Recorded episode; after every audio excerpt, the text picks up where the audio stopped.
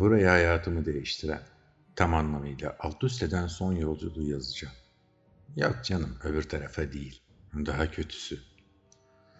Bu yolculuğu yapmamak, en azından unutmak için her şeyimi verirdim ama bazen kim olduğunuzu unutmamak için yola nereden çıktığınızı hatırlamak gerekir.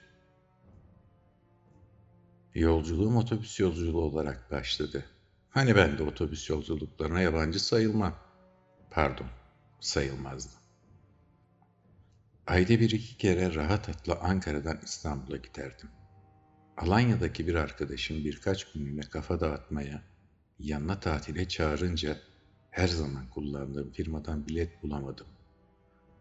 Başka bir firmadan telefonla rahat hat olmayan bir otobüsten bilet almak zorunda kalınca biraz korktum.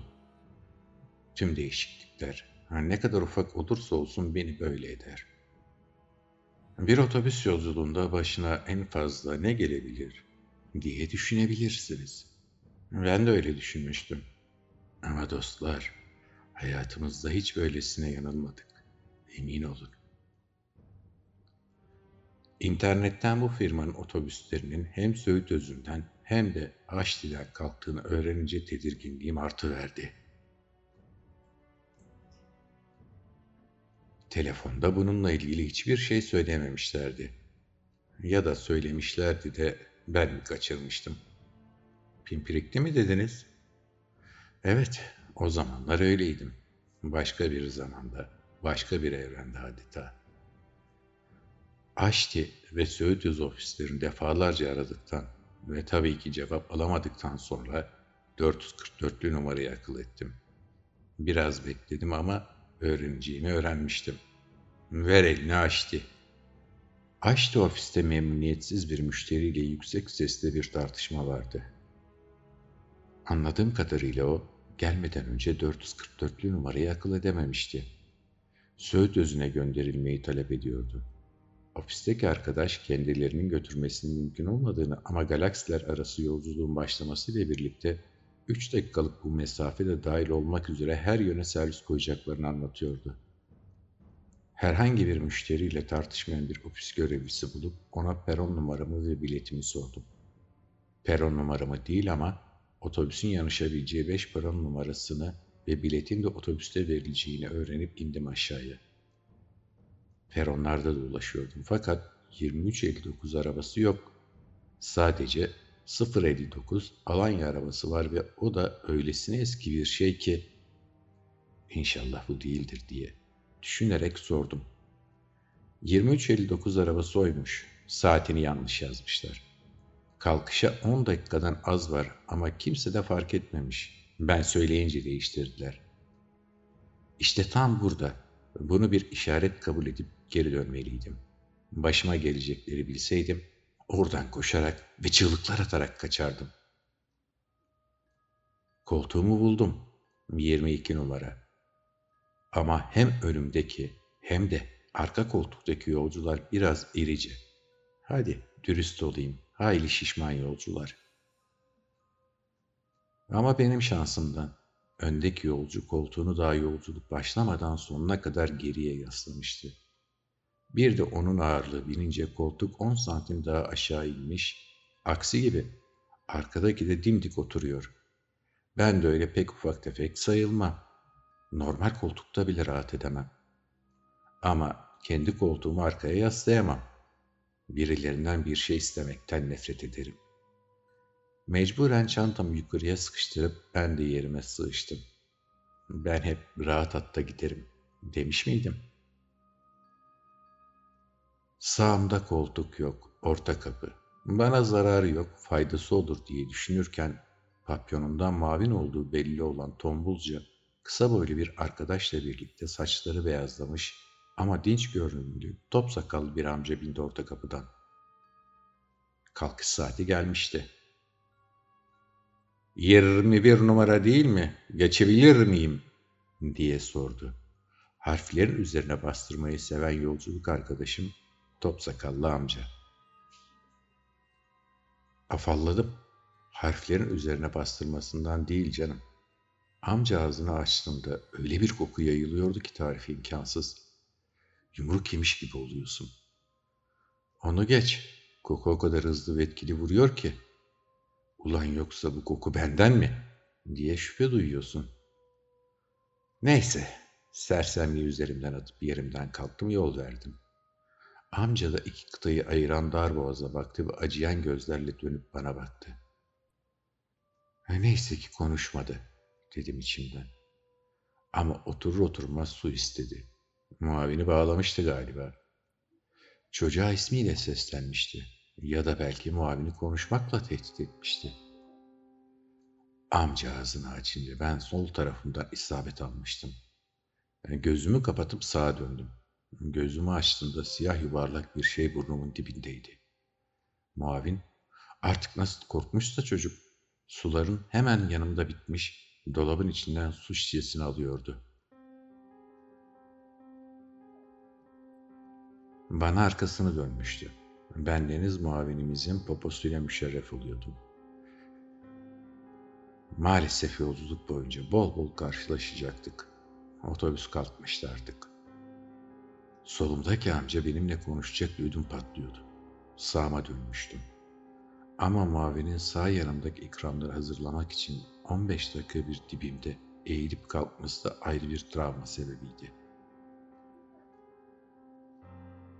Önümdeki koltuğun eğiminden dolayı yanımda getirdiğim kitabı burnumun dibinde tutmak zorunda kalıyordum. Bunun üstüne yorgunluk dolunca kitap sarmıyordu. Uyku desen yoktu. Bu kadar üst üste travmaya uyku mu dayanır? Neyse, saçma bir film seyretmeye başladım. Galiba Avrupa yapımı, virüslü zombili bir filmdi. Seslendirme rezalet. İngilizce dil seçeneği yok. Sönmüş ışıklar altında karanlık sahnelerde neler olup görmek imkansız. Her neyse, bana daha fazla acımanızı istemiyorum. Ama başlamıştım. Bitirmek zorundayım işte. Film bitince uykum gelir gibi olmuştu. Göz kapaklarım iyice ağırlaşmışken arka taraftan bir cayırtı koptu. Evladım, yatak odasında yapılacak şeylerin için burada yapıyorsunuz. Yaşasın, gençlere çemkiren yaşlı hanım teyze klişesi. Başıma gelmedik bir bu kalmıştı. O da tamam olmuştu. Otobüste bir şaşkınlık ve sessizlik oldu. Bu sessizlik yüzünden bütün otobüs tartışmayı rahatlıkla duyabiliyorduk. Genç çift herhalde böyle bir şey beklemiyordu ki bir dakika falan cevap vermedi. Teyze, ah muavin beni neden buralara oturttun diye ayrı bir tona geçmişti. Muavin o taraf hareketlendiğini gören delikanlı, Muavin bu teyze ne diyor? la başladı. Sonra sürpriz bir atakla ne yaptım ben öptüm mü? Ha? Kim görmüş ki? Diye öne geçmeye çalıştı. Yaşlı teyzeyi kimsenin desteklememesinden aldığı gayretle olacak, öpülmemiş kadın da atışmaya katılmıştı. Bir de başın kapalı ama için fesat senin. Klişelerin savaşına hoş geldiniz, dedim içimden. Teyze şimdi işi başörtüsüne hakaret savaşına taşıyacak derken Büyük İskender gibi bizi en beklenmediğimiz yerden vurdu. Çok meraklıysan açayım mı? Ha? Açayım mı? Ha? Biz toparlanmadan teyze hemen konvansiyonel silahlarla taarruza kalkmıştı. Benim kızımın da başı açık ama böyle yatak odasında yapılacak şeyler yapmıyor otobüslerde. Yatak odasında olacak ne yapmışım ben ya? diye çıkışıyordu oğlan tekrar. Detay verecek diye ödüm patlıyordu. Bu gittikçe anlamsızlaşan tartışma diğer yolcuların hop şşt ayıp oluyor ama çocuk uyuyor kardeşim tarzı çıkışmalarla yerini sessizliğe bırakmıştı.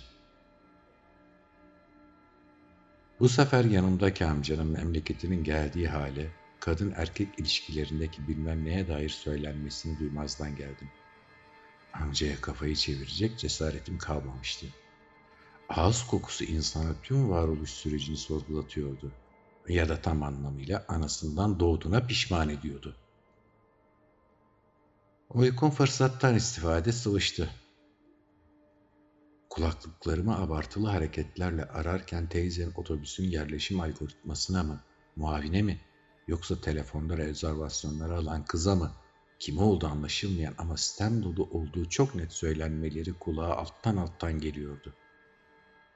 Neyse ki ona kimse bulaşmıyordu. Film seçme yeteneklerim beni yine hayal kırıklığına uğratmıştı ya da uğratmamıştı. Zaten kötü bir film seçmeyi bekliyordum. Başrolü Nicolas Cage olan bir filmi hangi akla hizmet seçmiştim ki? Filmin ortaları bana belki de hata yapmadım diye düşündürürken final sahnesi yaklaştıkça anladım ki yanılmamışım. Film kesinlikle saçmaydı. Ama korkunç final bitmeden ışıklar yandı. Uyuyamadan mola yerine varmıştım. Ankara-İstanbul arasındaki aydınlık mola yerlerine hiç benzemiyordu. Karanlık, köhne bir yerdi. Lokantası ve alışveriş alanı küçücüktü. Neyse ki bir köşede gözleme açan bir teyze vardı da yabancılık çekmiyordum. Yapacak tek şey vardı. İlk önce tuvalete, sonra abdest alınan yere gittim. Sabah namazını kılıp Allah'a yalvardım. Biraz uyku diye. Kapıdan birisi,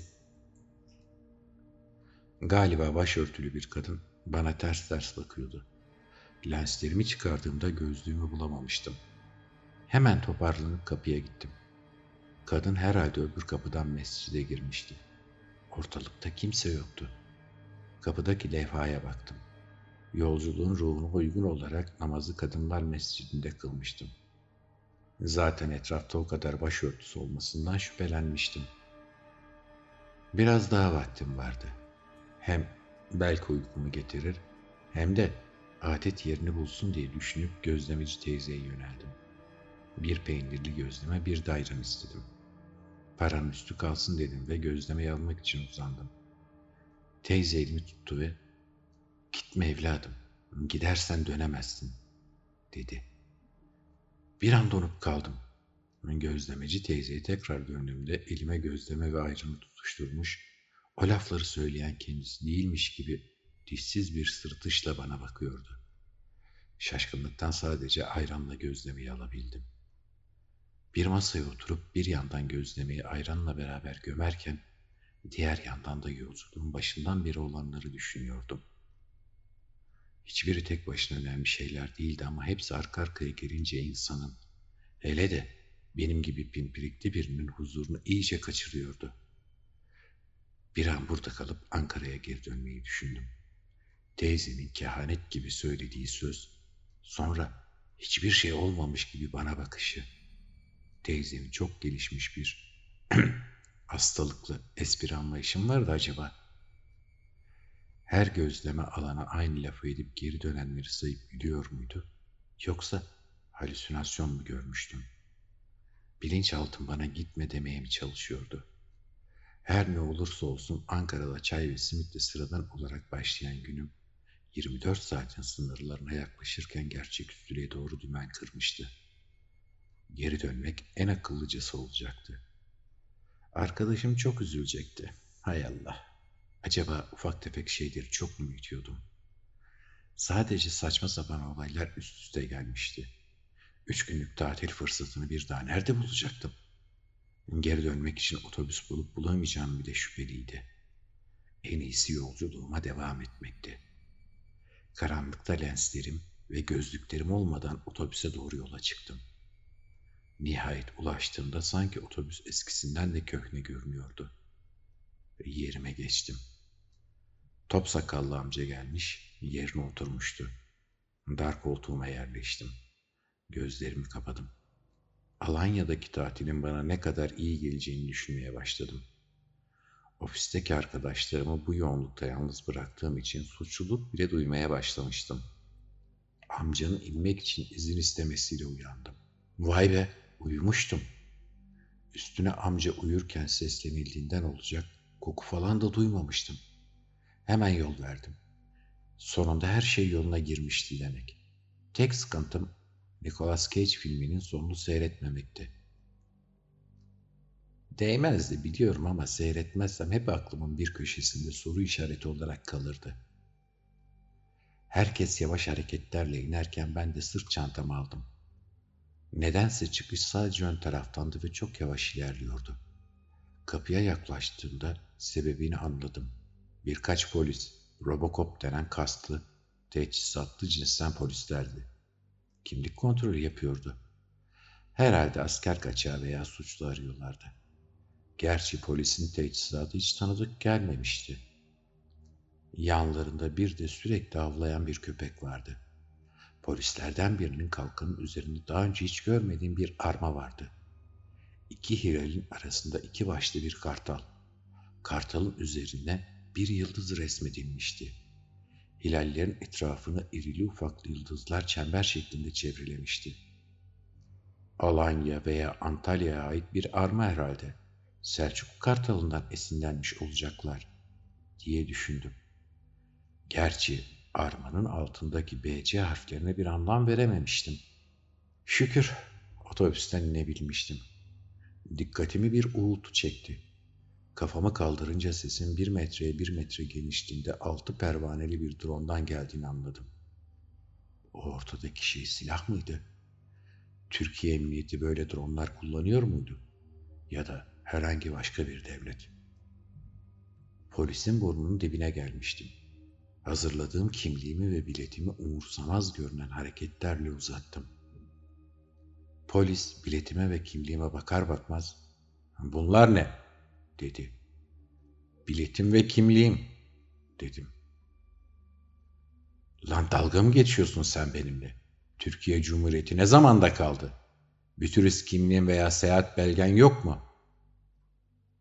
"Ne bir turisti? Ben Ankara'dan Alanya'ya Of! Elindeki jopu karnıma indiren polis hala bağırıyordu. Casus musun sen? Bak dilimizde ne güzel konuşuyorsun. Hasan ara bakayım şunun çantasını. Polisin vurduğu yer sadece acıtmamıştı. Bir de elektrik şoku yemiştim. Hala anlayamıyordum. Bütürüz neresi? Türk polisinde niye elektrikli şok var? Daha önemlisi elektrikli job diye bir şey var mı?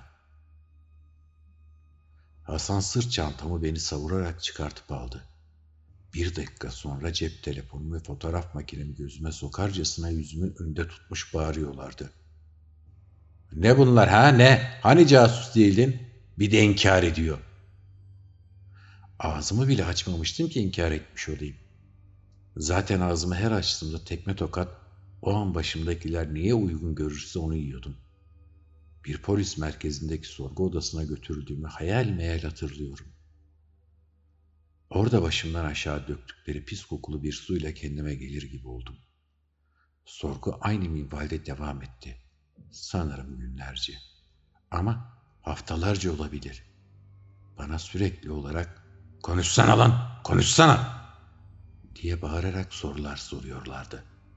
Cevap vermediğimde ağzından çıkan ne olursa olsun vurmaya başlıyorlardı. Sonra bütüriz değil, bütürismiş Z harfiyle söyleyince fena kızıyorlar. Ya da ben o sebepten bana vurduklarını tahmin ediyorum. Derken bana bütüris milli marşını söyletmeye kalktılar ya da dövmek için bahane arıyorlardı. Çünkü söyleyemeyince yine dövdüler. Bazen de hiçbir şey söylemeden dövdüler. Sanıyorum aramızda bir bağ, bir sinerji kuruldu. Aleyhimdeki deliller, kimlik kartım, biletim, cep telefonum ve fotoğraf makinem. Bir turiste, S ile aman dikkat. Teknoloji çok farklı değildi. Örneğin beni dövdükleri elektrojoplar teknoloji harikasıydı. Canınızı yakacak kadar kalın fakat kırılmayacak kadar esnek ve her değdiğinde verdiği şok da cabası. Ama Cep telefonu ve fotoğraf makinesi yoktu. En azından sıradan insan ve polisler de yoktu. Silahlı dronlar, hava araçları her yerdeydi. Her neyse, ifadem olduğunu sandığım bir şeyleri kafama vura vura bana imzalattılar. İki senedir hem cezaevine hem de akıl hastanesine benzer bir yerdeyim. Adı rehabilitasyon merkezi. Şifane de deniyor. Ne arayanım ne de soranım var. Ne hakim ne de savcı. Her yemekten sonra propaganda yapıyorlar. Bir de monitörler karşısında özel terapi. Korkarım yakında vatana ihanet ettiği için vicdan azabından halüsinasyonlar görmeye başlamış bir deli olduğuma ben bile inanacağım. Ha bu arada burada her şey için mantar var. Ekmek mantardan, içecek mantardan, sigara bile mantardan. Mantar, bir de faşizm sevmiyorsanız buralara seyahati hiç tavsiye etmiyorum. İşin aslı, ben de nerede olduğumu tam olarak bilmiyorum.